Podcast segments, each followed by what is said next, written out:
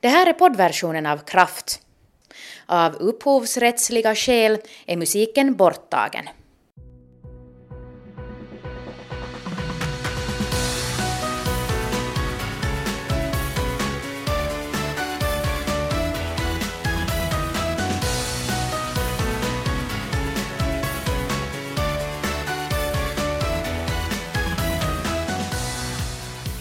Har blivit dags för det näst sista avsnittet av Kraft som ju är en sommarserie på temat hälsa. Och det vi ska fundera på idag är om det går att undvika cancer och i vilken mån i så fall vi kan förebygga cancer. Kvällstidningarna tutar ju med jämna mellanrum ut rafflande rubriker om cancerfrämjande mat. Men vilken är egentligen kostens roll i förhållande till cancer och går det att påverka risken att insjukna genom att se över sina matvanor?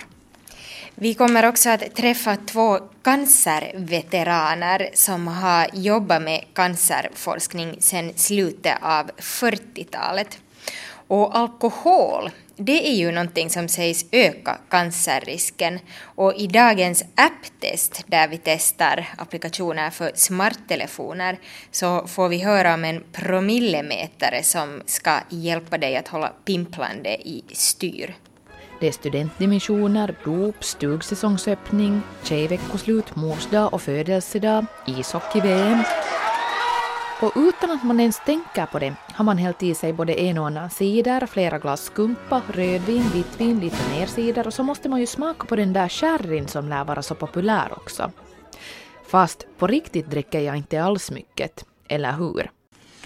Vi hör mer av vår reporter Linda Grönqvists erfarenheter lite senare här i Kraft tillsammans med Anette-Marie Forström och Kira Schröder. Men nu till dagens tema, det vill säga i vilken mån det går att förebygga cancer.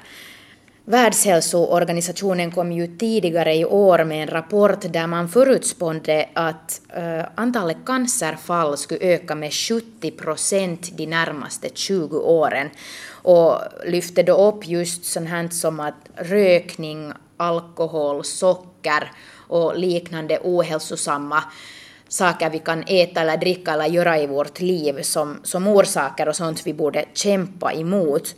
Och vi ska nu börja med att prata om matens betydelse.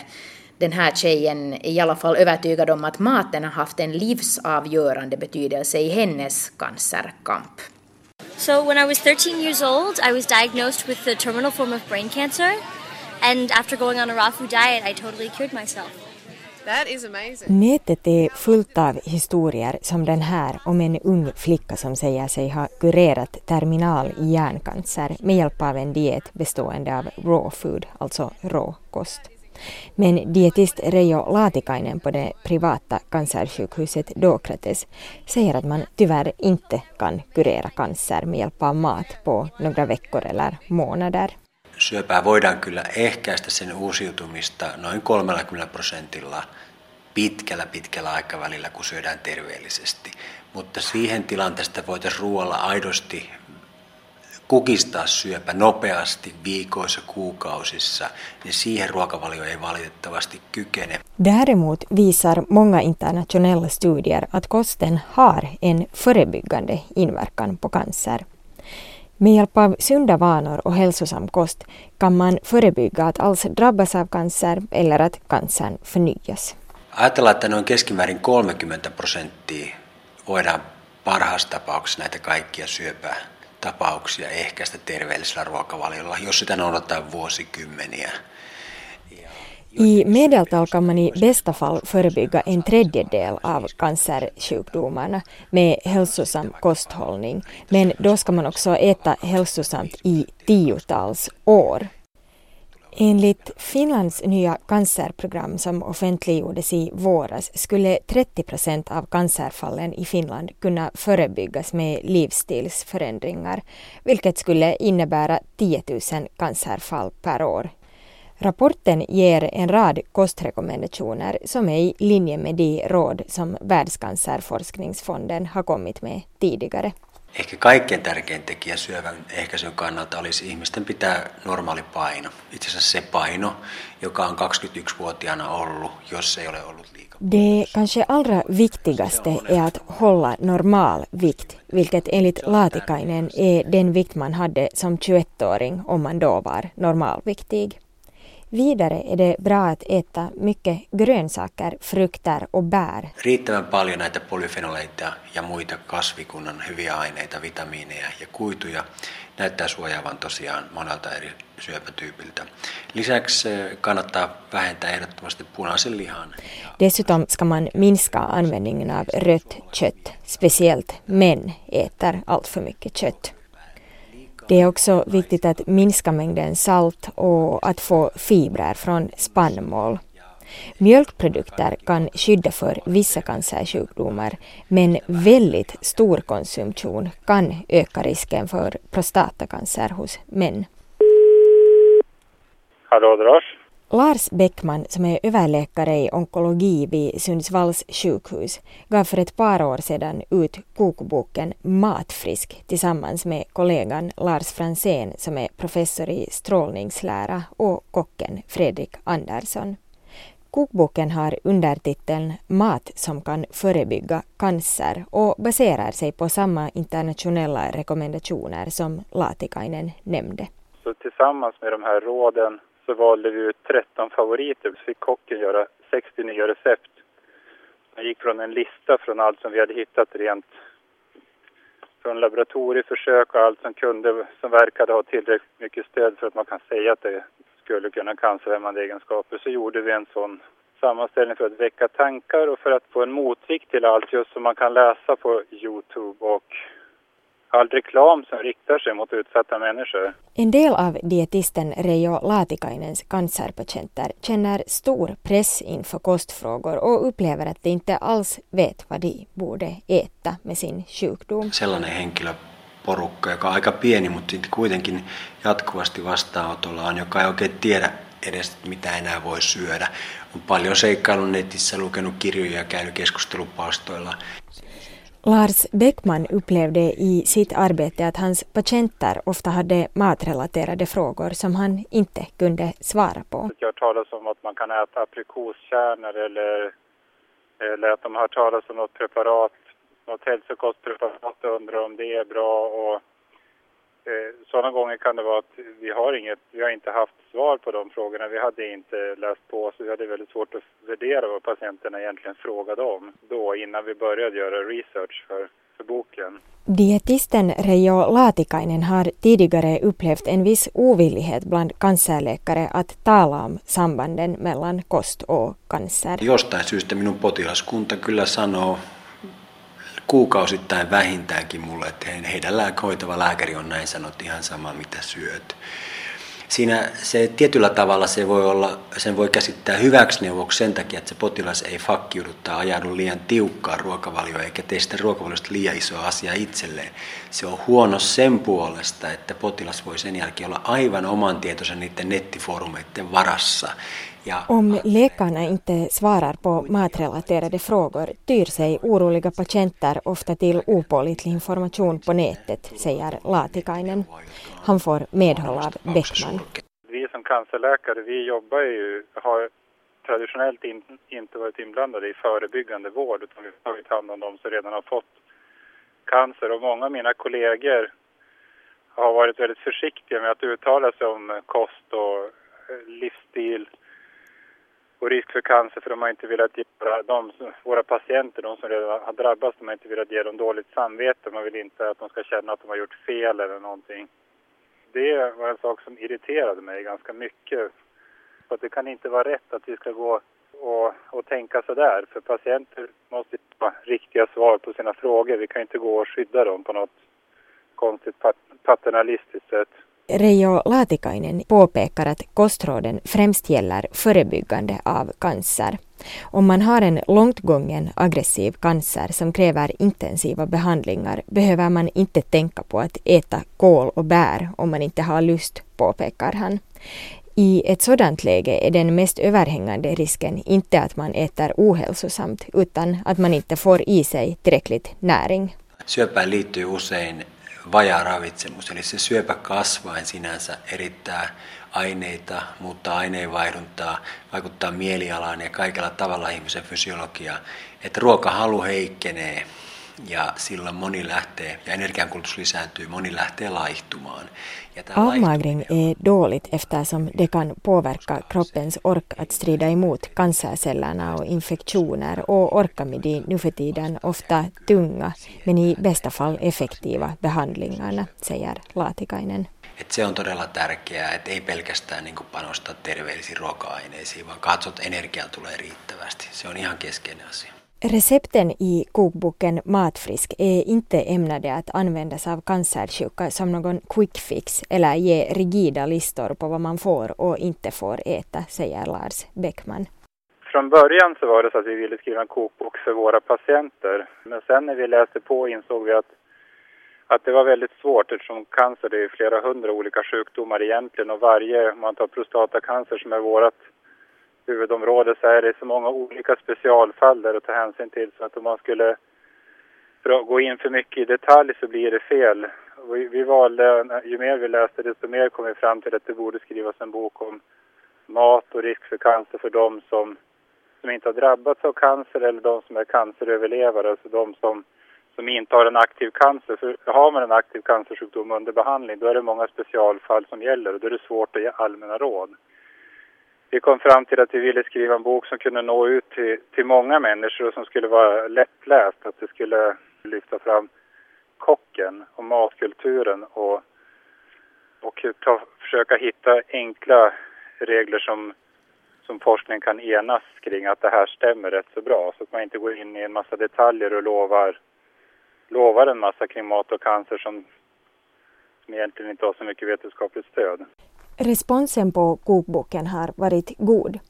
Lars Bäckman hoppas att den kan bidra till att avmystifiera cancer, en folksjukdom som drabbar de flesta antingen personligen eller via en vän eller släkting. Till exempel har jag en bekant som äger en av stans största bilfirmor. Och han blev så förtjust i den här boken så han brukar ge bort den när han går på middag. Mm. Det tycker jag är helt fantastiskt när man tycker att boken har blivit rumsig, när folk inte är rädda för cancer, de ger bort en sån här bok och lagar, lagar mat och byter recept med varandra som är från den boken, då tycker jag att då har vi på det sättet lyckats bättre än till exempel Cancerfonden som är bra men som ofta går ut med reklam som skrämmer folk där det står att vi ska, vill vara med och bota cancer. Det blir så fel för att Cancer är en folksjukdom och det, idag är det väldigt många som blir botade från cancer så det är fel om man ska vara så fruktansvärt rädd för cancer. Det blir jobbigt för patienterna också då om man, folk är mer rädda än vad som är nödvändigt. Då säger jag hej och välkommen till Tom Wiklund.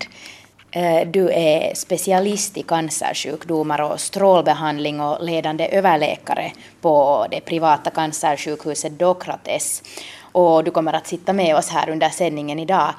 Um, allra först, vad väckte det här inslaget om mat och cancer för tankar hos dig? Jag tyckte det var väldigt intressant att eh, lyssna på de här experterna inom området. Och eh, när man lyssnade riktigt noggrant på den så, så talar de ju faktiskt om två olika saker. Um, om att förebygga cancer och uh, sedan om uh, patienter, människor som redan har cancer. Och, och, och de, de, hade egentligen väldigt uh, olika råd åt, uh, åt båda de här grupperna. Dessutom så, så tror jag att det är viktigt att komma ihåg det som, som nämndes om den finska cancerstrategin mm. där man faktiskt talar om inte bara näring utan livsstil. Och eh, då när man talar om, om livsstil så talar man ju om, om, om uh, vikt, närmast undvikande av övervikt, uh, om motion och sedan det tredje uh, olika, vilken föda vi äter. Mm. Hur ser du på just det här att man mer betonar sådana här livsstilsfrågor i samband med cancer nu för tiden? Eh, man har ju kunnat konstatera som det, som det framkom här att, att eh, nästan en tredjedel av, eh, av cancerfallen kan förknippas med, med livsstil, det vill säga de här tre vikt, föda och motion. Dessutom så måste man ju komma ihåg att, att nästan lika viktigt eh, är tobaksrökning. Så att eh, de här två, eh, livsstil och tobaksrökning, så, så står ju för över hälften av alla cancerfall som, som vi har i Finland. Och, och, det är ju en väldigt stor del av våra patienter. Mm.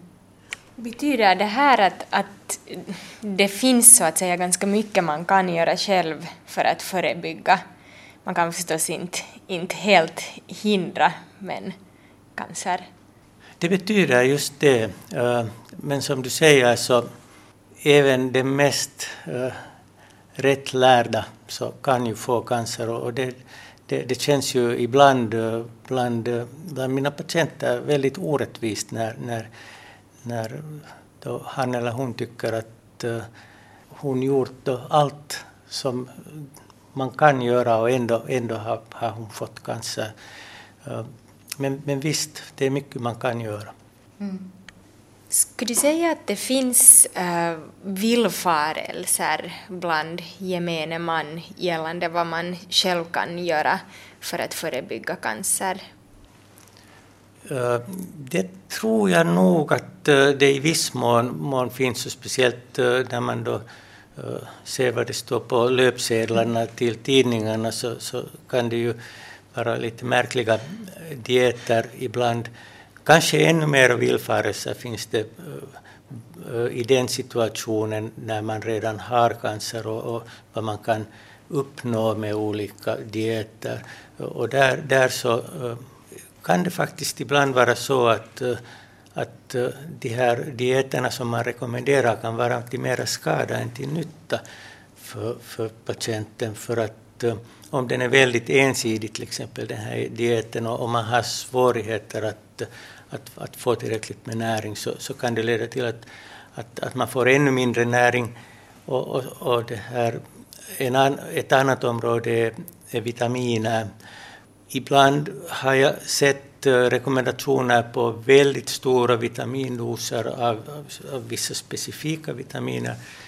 Och äh, det är ju en sak som i vissa fall, i vissa ens, enstaka fall så kan det vara direkt skadligt äh, mot den behandlingen man, man ger vid cancer. Det kan, det kan, olika stora doser vitaminer kan, kan antingen öka eller minska effekten på vissa cytostatika. Mm. Vi uh, hörde en radioreklam just på det här temat med vad man då själv skulle kunna göra så att säga för att undvika cancer. Det var någon form av kosttillskott som det där innehåller en aminosyra som sägs då binda, uh, binda acetaldehyd som äh, kan framkalla cancer och, och då förebygga dens cancerframkallande effekt. Äh, och det här finns då till exempel i tobaksrök och, och i alkohol. Och det här preparatet finns att köpa på apoteken och, och, på webbplatsen för det så står det att det avlägsnar acetaldehyd i saliv under rökning och minskar de skadliga effekterna av rökning om du inte kan sluta. Och, och, så kan man göra ett sånt här test på webben för att se om man hör till högriskgrupp för magcancer eller andra typer av cancer som då acetaldehyd sägs förorsaka. Um, vad tycker du om den här typen av, av marknadsföring? Det kan vara lite svårt ibland att, att bemöta den. Eh, det är nämligen så att eh, den eh, information och den forskning som krävs för att man ska kunna marknadsföra och sälja ett kosttillskott så är ju någonting helt annat än för till exempel läkemedel. Och också de här, det, det som man får, de olika budskap man får framföra i i reklamen så, så är väldigt mycket mindre reglerat än för, mm. för läkemedel. I det här specifika fallet så måste man ju komma ihåg att uh, tobak ligger ju bakom väldigt många olika sorters cancer. Och tobaksrökning är också en riskfaktor för, för till exempel magcancer. Men att eh, numerärt så, så är ju eh, lungcancer det, det som är den den stora boven. Och eh, då, då kan man ju tänka som så att, att, att man kanske invaggar människor i en, en trygghetskänsla om man då tänker sig att man kan då, Eh, för, eventuellt förhindra någon form av cancer, men, men eh, de övriga cancerformerna blir ju kvar. Mm. Vi ska fortsätta att prata med dig, Tom Wiklund, vidare här i Kraft, men vi ska nu lyssna på ett inslag här emellan och vi ska träffa två av Sveriges främsta cancerforskare som båda har vigt sina liv åt att svara på cancerns gåtor. Och det handlar alltså om Georg och Eva Klein som båda är närmare 90 år gamla. Och de kom till Sverige som flyktingar i slutet på 40-talet när de flydde undan den sovjetiska ockupationen av Ungern. Och paret forskar fortfarande ännu vid 90 år, eh, nästan 90 år fyllda på Karolinska institutet i Stockholm där de tidigare ledde tumörbiologen i 40 år. Och när de ska ge ett exempel på cancerforskningens största framsteg så lyfter båda två upp barnleukemin. Man botar hälften av cancer. Mm. Och eh, det, till exempel när jag, var, när jag studerade medicin så var barnleukemi dödlig i 100 procent. Det fanns bara ingenting alls man kunde göra. Idag botade man mer än hälften. Och eh, det finns en underbar bok av en eh, väldigt bra författare som heter Siddhartha Mukherjee. Känner du namnet? Uh, ja, jag har läst om den här boken. Ja. ja det är en underbar bok och Eh, Eh, när jag läser den boken så eh, får jag en beundran för, för modet hos dessa personer som kunde befolka alltså hela kyrkogårdar med döda barn under årtionden och inte gav upp. Tills det första barnet botades. Men sen botades den och nu botas hälften. Alltså. Det, det är de verkliga hjältarna. Vi har inte arbetat kliniskt så vi har inte upplevt den här fruktansvärt svåra perioden och som slutade med framgång när man har utarbetat uh, metoderna för uh, behandlingen som i början var fruktansvärt svåra och orsakade själva döden alltså mm. hos patienterna. Mm. Så att man eh, fick de som gjorde det här behövde vara mycket starka personligheter för att just man tänker på att arbeta med barn. Men visserligen var de dödssjuka men eh, att se att eh, pröva de här olika behandlingarna och idag så botar man väldigt många. Så det är vad jag tycker är det största framsteget. Eva Klein har under hela sin forskarkarriär ägnat sig åt Epstein-Barr-viruset som ligger bakom den vanligtvis ofarliga mononukleosen eller körtelfebern, men också en mängd cancersjukdomar som leukemi, det vill säga blodcancer, och lymfom, alltså cancer i lymfsystemet. Nästan alla människor bär på det här viruset i vilande form, men det kan bli farligt om ens immunförsvar av någon orsak försvagas. Både Eva och hennes man Georg Klein är internationellt erkända och prisbelönta cancerforskare. De överlevde båda Förintelsen och flydde från Ungern till Sverige på 40-talet den första med förfalskade papper och den andra genom att rymma från en fångtransport. Georg Klein beskrivs för sin del som en pionjär inom cancerimmunologi och han har också gett ut många böcker, bland annat om Förintelsen. Själv säger han sig drivas av en aldrig stillad kunskapstörst. Ja, framförallt nyfikenhet. Jag tycker det är ett väldigt spännande problem. Alltså jag vill reda på hur det är. Alltså, min målsättning är inte att bota cancer, det, det får andra göra, utan att förstå vad som hänt i cancer. Och vad jag nu fokuserar på på gamla dagar, det är inte varför det blir en cancer. För de här mutationerna förklarar väldigt mycket. Utan varför det ändå bara en av tre människor som får cancer. Två får inte. Varför mm. inte det? Eller storrökare. Eh, man säger de får cancer. Ja, 25 procent. Varför inte alla? Vad händer med de andra 75 procenten? Så att eh, jag vill se vad kroppen har för motstånd mot cancer. Och det, det är också väldigt mycket. Det är flera typer av motstånd. Så att det är vad jag sysslar med nu vi, är, vi människor är egentligen en ganska låg eh, cancerart. Okay. Till exempel musen, råttan, hamster. De är mera cancerbenägna än människan. Marsvin kan är mycket mindre. Och eh, man kan också säga att eh, ju fler celler man har, eh, cancergener är samma. Och där, därför borde ett stort djur få mycket mer cancer än ett litet djur. Men så är det inte alls. Blåvalarna, de är nästan cancerfria alltså. Så att mm. det, det är också så att kroppen har en resistens som är olika för olika arter. Och det är det jag tror vi måste förstå. När en stor del av cancerforskningen fokuserar på varför folk får cancer är Georg Klein alltså intresserad av varför människor inte får cancer. Det, det enda jag får, fått reda på är att eh, det finns olika anledningar varför man kan få cancerresistens. Eh, nu, andra forskare har nu upptäckt att det finns eh, vissa djurarter som lever under jorden, alltså mullvadsråttor, mm. som inte har cancer alls och eh, som lever väldigt länge och är cancerfria. Varför det? Eh, sen finns en helt annan historia som kommer från Ecuador där det finns dvärgar eh, som väldigt små och det är inget fel på deras tillväxthormon. Tvärtom, de gör jättemycket tillväxthormon. Men det funkar inte därför att de saknar en antenn att ta emot tillväxthormon. Och de är också cancerresistenta. Mm. De får inte heller cancer. Så att um, resistens mot cancer kan uppstå av olika anledningar kan man säga. Det är de facto bara en försvinnande liten del av alla cancerceller i kroppen som lyckas överlista den och utvecklas vidare till cancer. Tänk dig så här att eh, ett litet virus har mellan 3 och 10 gener.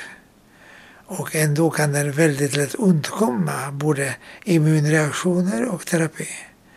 Den, den hittar vägar runt om det. Malariaparasiten har 5000 gener. Och än så länge har ingen människa kunnat fånga den. Den undkommer alltid. En cancercell har 23 000 gener. Och det, det, är otroligt mycket och den har alltså en enorm möjlighet att spela sitt, sitt, sitt spel. Så det är helt enkelt svårt att kunna liksom gardera sig mot alla de här möjligheterna eller hitta liksom lösningar för alla olika potentiella sätt som det kan... Man kan inte det, men mm. man kan, och det är därför jag tror på att man måste gå på värdresistensen som är över det där, alltså som stoppar cancercellerna i sin linda. Då vänder jag mig igen till Tom Wiklund som är specialist i cancersjukdomar. Um, vad tror du, är det, är det via cancerresistensen vi hittar nyckeln till cancerns gåtor? Um, jag tycker det här är en väldigt uh, intressant uh, infallsvinkel och jag, jag, tror nog att, uh, att vi behöver alla infallsvinklar för att lösa cancerns gåta. Mm. En annan ganska ny grej som det har talats om på sista tiden är att äh, sådana nya mediciner som ännu är i testfasen där man använder sig av kroppens eget försvarssystem.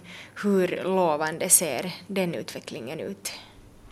Det här är faktiskt äh, det kanske mest intressanta området inom Eh, läkemedelsforskningen för tillfället vid behandling av cancer.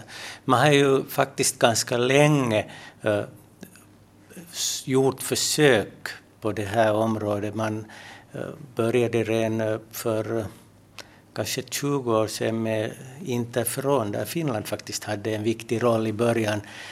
Vår, vår blodtjänst producerade interferon och, och, och meningen med den behandlingen var att stimulera det egna immunförsvaret. Och eh, efter det hade funnits eh, för olika försök och eh, nu under de senaste åren så ser det ut som om man skulle ha gjort vissa genombrott. Och just nu så är det i, i, i, i slutskedet av forskningsfasen flera olika nya läkemedel som, som stimulerar vårt eget immunförsvar att arbeta mot cancercellerna. Mm. Om man blickar just så här framåt, du talar om det här som en av de mer lovande, mm. eh, ska vi säga, framgångarna inom, inom forskningen. Vad, vad, finns det annat man kan hoppas på inom cancerforskningen? Man talar väldigt mycket om personlig behandling där man använder läkemedel som eh, kan vara utvecklade för en väldigt liten eh, patientgrupp eh, med en, en tumör som, som inte är så vanlig. Ett gott exempel är lungcancer eller bröstcancer. I lungcancer kan man nu för tiden dela in i, i flera olika former av eh, lungcancer som, som alla kan eh, identifieras på basen av eh, vissa genförändringar.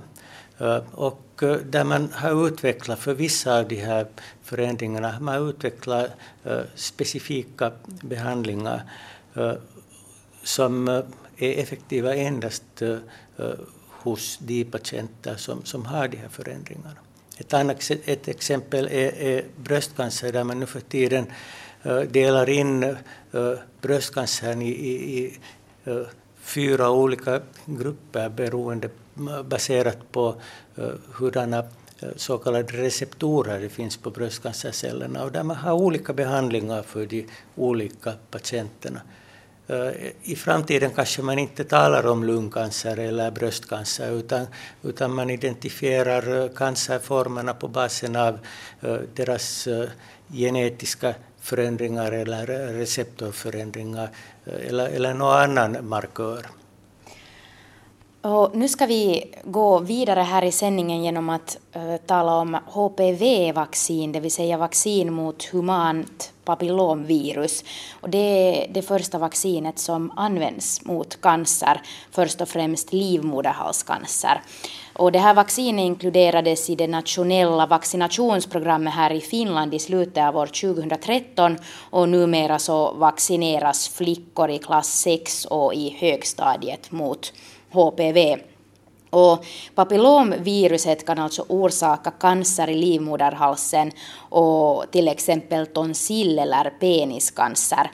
Det ger ett över 90-procentigt skydd mot de vanligaste papillomvirusen som orsakar cancer och sen då mot könsvårtor, det vill säga kondylom som, som inte leder till cancer.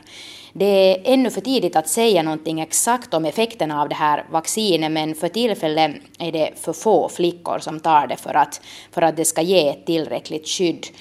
I Sverige så, så har man eh, haft det här vaccinet som en del av vaccinationprogrammet sedan 2010 och där har Maria Ander Gottvall vid Uppsala universitet doktorerat i hur väl flickorna känner till HPV-vaccinet och det visade sig att det fanns en hel del att göra men att inställningen bland flickorna åtminstone var mycket positiv. Jag tycker det verkar som att det behövs mer information och att det, fin det finns mycket information på hemsidor och broschyrer och sådär man kan läsa. Men jag tror att det verkar som att det är viktigt det här med den, det personliga mötet. Att föräldrarna känner att de har en skolsköterska som de kan diskutera det här med. Eller om det finns någon engagerad barnmorska kanske på någon ungdomsmottagning som, som kan informera om det här. Så att det finns någonstans som är lite närmare mm. där, dit föräldrarna kan vända sig om de har frågor. Och också dit de här flickorna kan vända sig. Enligt forskare Maria Ander Gottwall vid Uppsala universitet har vaccinet fått ett gott mottagande också bland föräldrar och skolsköterskor. Bland föräldrarna märktes ändå uppståndelsen kring svininfluensavaccinet av. Eh, de, de var positivt inställda till det här vaccinet. Mm. Um, men de hade ju ändå funderingar kring det här med biverkningar. Mm. Och eh, jag tror i stort sett alla föräldrarna tog upp det här med svininfluensavaccinationen. Just det, för det var ganska samma tider. Ja, det var ett par år efter tror jag. Mm. Så det verkar som att den här, äh, det var inte odelat positivt med vaccinationer. Mm. Som det kanske hade varit lite mer innan. Yeah. De sa att ja, men det är klart vi vill skydda vår dotter från, från cancer om vi kan. Och, men det är klart att vi funderar på det här med biverkningar. Och mm. Man vet inte om är det här för att läke, läkemedelsindustrin ska tjäna pengar. Och, mm. Så trots att de hade tackat ja och kände sig positivt inställda så hade de mycket funderingar. Just det. Mm. Som också var samma som kom upp bland föräldrarna som tackade nej. Okay. Men där var det ju att de här negativa delarna vägde över. HPV-vaccinet betecknas som ett mycket säkert vaccin och det har getts till flickor i klasserna 6 till 9 sedan slutet av förra året.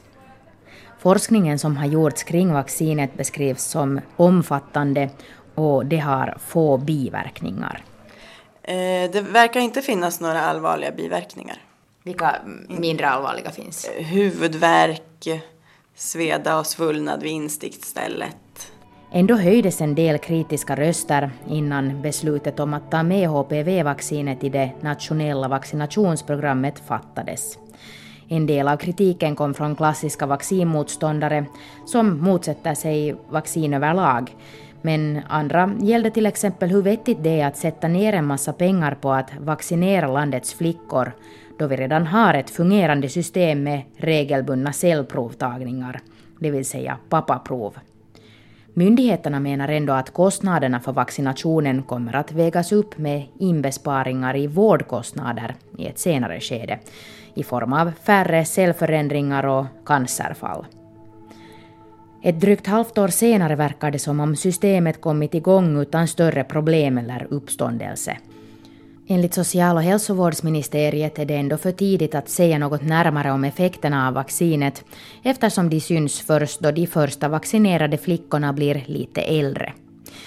Fortfarande finns det ändå de som är kritiska till att bara flickor vaccineras fastän också pojkar kan bära på viruset och drabbas av till exempel analcancer, peniscancer och tonsillcancer. Eh, det är mycket diskussioner kring det där. mm. Och um, i till exempel, jag tror Australien i alla fall, så erbjuds ju vaccinet även till pojkar. Um, men man har räknat ut att det inte är kostnadseffektivt. Mm. Vad menar så man det, Eftersom att eh, vaccinet är framtaget för att skydda mot eh, framförallt livmoderhalscancer, eller det är det man har räknat på. Mm. Och eh, det vaccinet som används nu skyddar ju också, eller ger ju ett skydd mot kondylom, könsvårtor. Mm. Så vilket också då kan drabba män. Det har ju också framkommit att eh, andra cancerformer också orsakas av det här viruset som eh, head and neck cancer som svalg och mm -hmm ja, svalg och munhåla. Okay. Att det kan orsakas av HPV och också ändtarmscancer. Så att jag tycker ju att det också borde, att pojkar också borde få det här vaccinet. Tidigast i slutet av året kommer social och hälsovårdsministeriet att ta ställning till ifall man också borde inkludera pojkar i vaccinationsprogrammet då nya forskningsresultat presenteras om det skulle leda till en tillräckligt hög vaccinationsgrad.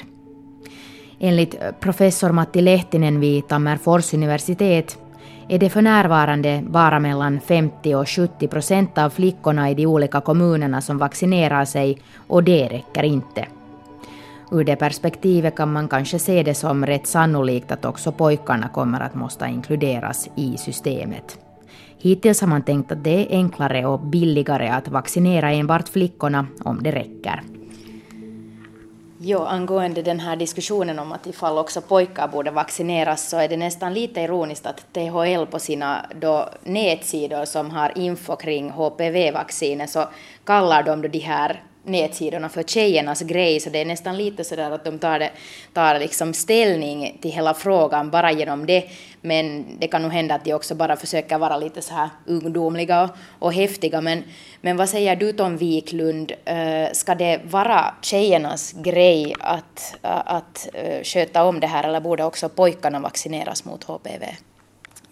Det här är ett eh, område som jag, jag definitivt inte är en expert på men eh, jag tycker att eh, man har ju gått ett, eh, tagit ett stort steg framåt när man började vaccinera flickorna. Och för, för det, det, har man ju inte heller gjort så länge ännu. Och, och det, det, det var det naturliga första steget.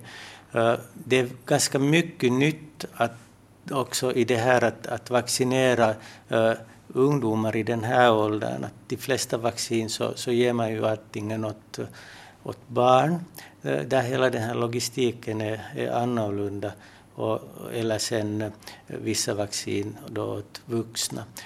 Så, så jag tror att, att vårt hälsovårdssystem har haft en, en stor utmaning i att börja vaccinera ungdomar i den här åldern och, och då, då, kan jag bra tänka mig att, att eh, man behöver lite nya metoder för att eh, få ut informationen och, och få, in, få de här flickorna intresserade. För att eh, en del av de här flickorna är ju faktiskt i den åldern att de måste fatta det här beslutet själv. Mm. Om man talar om screening i allmänhet för olika cancerformer så handlar det ju om att, att hitta den i tid före de har hunnit utvecklas så långt att, att det är svårare att, att göra någonting.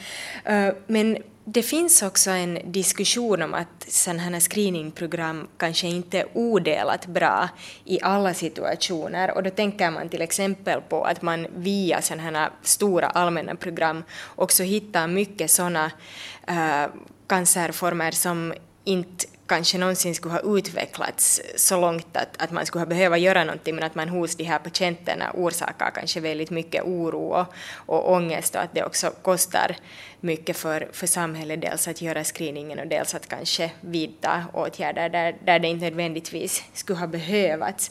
Hur ser du på den här diskussionen? Det är alltid en, en fråga om balansgång.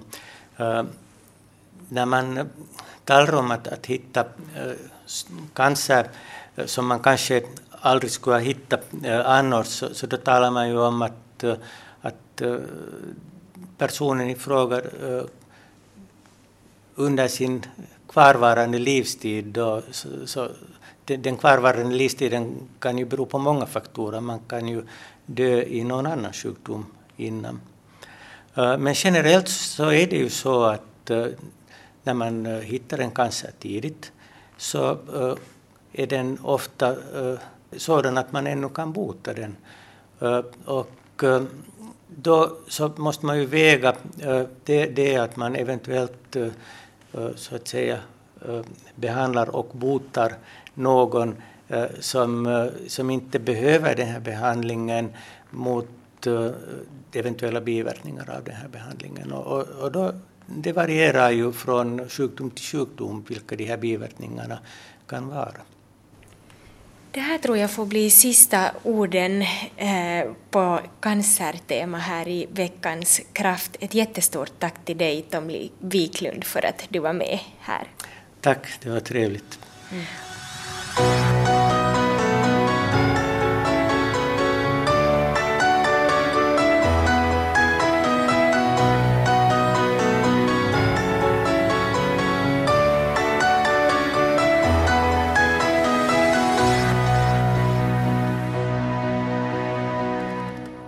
Har det igen blivit dags för veckans apptest här i Kraft. Vi prövar ju varje vecka en hälsorelaterad applikation för smarttelefoner i det här programmet. Och den här veckan har vår reporter Linda Grönqvist testat en app som heter Promillekoll som ska hålla drickandet i styr.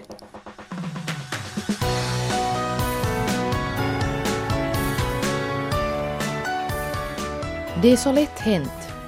Vädret blir varmare, uteserveringarna öppnar, det är studentdimensioner, dop, stugsäsongsöppning, tjejveckoslut, morsdag och födelsedag, ishockey-VM. Och utan att man ens tänker på det har man hällt i sig både en och annan cider, flera glas skumpa, rödvin, vittvin, lite mer cider och så måste man ju smaka på den där sherryn som lär vara så populär också. Fast på riktigt dricker jag inte alls mycket, eller hur? Men det var i alla fall just i det här skedet som jag skapade kontakt med appen Promillekoll. En app som ges ut av Systembolaget i Sverige och som hjälper dig att hålla koll på ditt alkoholintag. Promillekoll tilltalar mig eftersom den ingalunda påstår att man ska avstå från alkoholen helt och hållet. Istället föreslår Promillekoll att man aldrig ska dricka mer än att man håller sig på en promillehalt under 0,6 promille. Det lär nämligen vara så att det välbefinnande som alkohol ger minskar om man överstiger 0,6 promille. Ovanför den nivån minskar hjärnans förmåga att ta upp de belöningsämnen som alkoholen frisätter, dopamin, serotonin och endorfiner. Så att dricka mer är egentligen att kasta bort pengar. Det här tycker jag låter bra. Jag ser framför mig ett liv i konstant salongsfylla, men utan baksmälla och med mer pengar i plånboken och färre kalorier runt midjan. Jag fyller i längd, kön och vikt i appen. Sen är det bara att mata in vad man dricker och hur mycket så visar appen en kurva på hur promillehalten kommer att stiga och gå ur kroppen. Den första sidan är inget problem. Appen räknar sakta uppåt mot 0,2 promille. Men sen ska det vara ett litet glas skumpa innan förrätten och ett glas vitt vin till salladen. Promillekoll har redan gått i taket. Kurvan pekar rakt uppåt och appen varnar. Om du tar den här kommer din promillehalt att stiga över 0,6 promille. Jäklar också. Jag märker ganska snabbt att två restaurangportioner är vad appen max tillåter under ett och samma tillfälle. Tar jag en tredje går det automatiskt över den magiska gränsen. För den som bantar berättar Promillekoll också hur många kalorier dryckerna innehåller. Ett glas vin motsvarar en kanelbulle, påstår appen. Det blir ganska snart tydligt. Alkohol ska inte höra till vardagen utan till fest. Annars kommer man inte bara att bli alkoholiserad, löpa större risk för skador, sjukdomsattacker och slagsmål. Man kommer dessutom att bli fet. På det hela taget tycker jag att appen fungerar ganska bra, i alla fall som ögonöppnare. Man kan naturligtvis inte använda appen för att kontrollera om man är i körskick, men den ger en fingervisning om hurdant dryckesmönster man har och gör en medveten om sitt eget alkoholintag. Själv orkar jag efter ett tag inte knappra in vad jag dricker, men jag har ändå bättre koll nu än tidigare och jag har skapat nya regler för mig själv. Om jag går på fest eller middag behöver jag inte räkna. Men till vardags håller jag mig till max två restaurangportioner. Ett glas vin är helt tillräckligt till maten och också på den soligaste uteserveringen kan man dricka Fanta till vardags.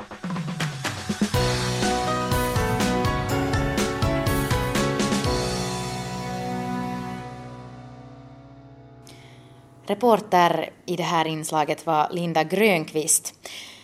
Och vi går vidare här i kraft till vår historieserie Var allt bättre förr?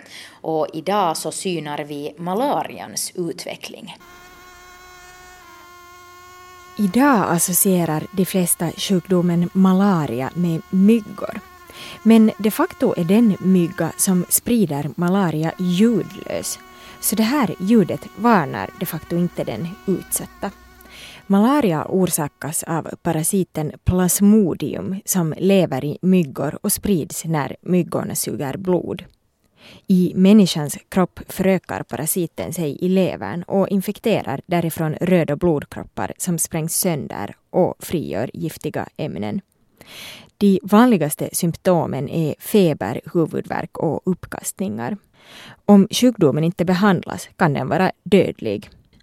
Men det tog länge innan man insåg hur malaria sprids, berättar Eva Ahlsten som är museichef vid Medicinhistoriska museet i Uppsala. På slutet på 1880-talet eh, så förstod man ju då att det var, det var myggor då som spred den. Man hade ju tidigare funderat, och ända sedan Hippokrates tid, 400-talet före Kristus, att det berodde på dålig luft. Alltså stillastående dålig luft och eh, malaria på, på italienska är ju dålig luft. Och eh, det fanns ju mycket i träskområden och i vattenområden. Och eh, sen när man började göra uppdikningar av de här för man behövde flera bostäder eller behövde mera jordbruk så försvann också lite grann av den här malarian. Idag känner vi malaria främst som en tropisk sjukdom, men tidigare förekom den så högt upp som i Norden. Bland annat den berömda botanikern Carl von Linné insjuknade på 1700-talet kort i malaria. Ett ämne som han också disputerade med inom medicin med teorin att sjukdomen orsakades av lerigt vatten.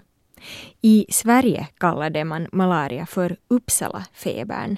Och då kunde man, hade man ju inget bot för den.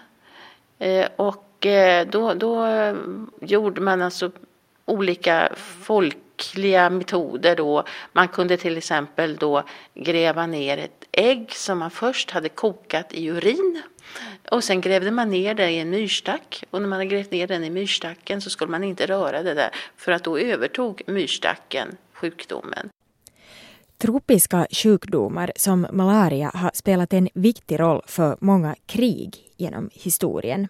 Ett exempel är slaget om Cartagena de Indias som utspelade sig mellan Spanien och England år 1741.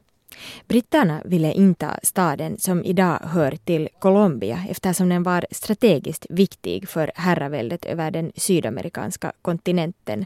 Men deras nederlag blev snöpligt.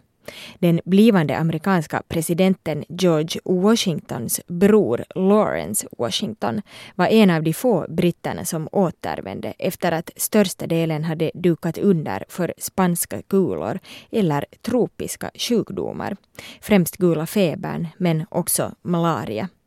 Hade britterna bättre lyckats stå emot sjukdomarna och vunnit det här slaget är det fullt möjligt att huvudspråket i Latinamerika idag hade varit spanska. Man har kallat eh, malaria för den, den vite mannens grav. Eh, och eh, innan man då visste om det, det, var, det var, finns många olika berättelser, man vet inte riktigt hur det stämmer med det hela. Men via någon indian så fick en spansk eh, konungs hustru som hette Quinchona Eh, hon fick alltså medicin via en läkare från indianen från början som hade tagit barken på ett träd. Och det var alltså kinabarken. Eh, och sen så gjorde man ett pulver av det hela. Och, eh, men, så att kininen är ju det som har botat historiskt. I och med att man upptäckte då det här så började man då odla Kinamarksträd. Eh, och i och med den så, så kunde man då också behandla sjukdomen. Eva Ahlsten menar att de koloniala imperierna aldrig skulle ha nått den utbredning de fick under 1800-talet utan kinin. Kininbarken var nämligen avgörande för att hålla arméer och administratörer vid liv i malariadrabbade trakter. År 1850 använde den brittiska armén hela nio ton kinabark om året den som gillar att svalka törsten med en gin och tonic kan faktiskt också tacka kininet och genom det delvis också malarian. Utan kinin så klarar man sig inte. Så att den brittiska armén till exempel, de, de skulle inta kinindryck varje dag men den smakade väldigt beskt. Och därför blandade de det med gin och därifrån kommer gin och toniken. Eh, idag så, så är, är malarian, den, den har motståndskraft mot kininen så nu behöver man andra medel. Men fortfarande är det så att de svårast sjuka de får fortfarande kinin för att den är fortfarande ändå lite verksam när inte det här klorokinet hjälper. Mm. Men det är fortfarande inte full effekt på det. Här är ju den intressanta kombinationen då att vi har ju inom psykiatrin i historisk tid använt malaria som behandling för tredje gradens eh, syfilis när den hade spritt sig till, till uh, centrala nervsystemet. Bengt Ekblom är en finlandssvensk psykiatriker som har gjort största delen av sin karriär i Sverige. Han berättar att malaria faktiskt ansågs som nyttig i psykiatrin under början av 1900-talet. Ja, man, man hade nog historiskt sett använt feberbehandlingar vid en hel del psykiska sjukdomar. Men eh, sen mm, var det en eh, intelligent eh, läkare som tyckte sig märka, Werner von Jauregg hette han, att då när tyskarna sloddes under Balkankrigen 1917 så försvann syfilis hos soldaterna när de blev eh, smittade helt naturligt av malaria. Och 1922 gjorde man första försöket att inympa eh, malaria då på framförallt tredje gradens syfilis eh, som hade spritt sig till centrala nervsystemet. Sågs alltså syfilis som en psykiatrisk sjukdom? Ja, syfilis eh, för mig har det varit en psykiatrisk sjukdom. Eh, för de flesta som behandlar syfilis så var det väl först en hudsjukdom i första stadiet och sen var det en allmän sjukdom i andra stadiet, men i tredje stadiet, det som, där psykiatrin blev inkopplad, då hade det spritt sig till centrala nervsystemet. Och då var det ju länge obotligt. Man, man inympar då blod från en Eh, malariasjuk patient. Man tog blodet när, när eh, febern var i topp och eh, sprutade in det antingen intramuskulärt eller om det var väldigt bråttom intravenöst.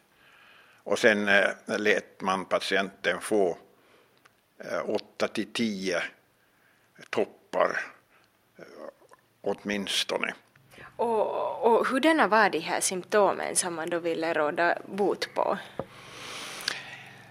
Ja, eh, det blev eh, nog kan man säga eh, en, en begynnande demens. Och, och sen kom det ofta dessutom storhetsvansinne. Väldigt många av de här patienterna hade egentligen ganska intressant liv där i sin demens för att de ansåg sig vara ofta kejsare eller konungar eller väldigt enastående personer. Så det var någon form av storhetsvansinne, mm. märkligt nog, som kom av de här eh, syfilisspiroketerna. Jag har inte använt det själv det här, för att penicillinet kom på 1940-talet och eh, det var överlägset eh, sådana här mm, behandlingar.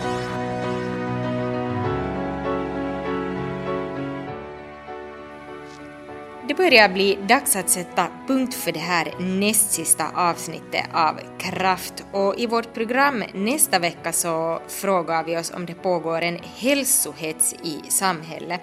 Det tycker åtminstone den svenska bloggaren och reklamforskaren Nina Åkestam som vi har talat med bland annat om hur hennes egen inneboende 85-åring fick henne att säga upp sin personliga tränare. Mm. Och om ni har respons på det här programmet så får ni gärna höra av er på mail at outhousemedia.fi. Hela kraftserien finns ju på Yle Arenan där de går att lyssna på via webben eller sen att ladda ner som musikfri podcast. Jag heter Nanette Marie Forsström. Och jag heter Kira Schröder och den här serien är producerad av Outhouse Media i samarbete med Svenska Yle. Vi hörs nästa vecka.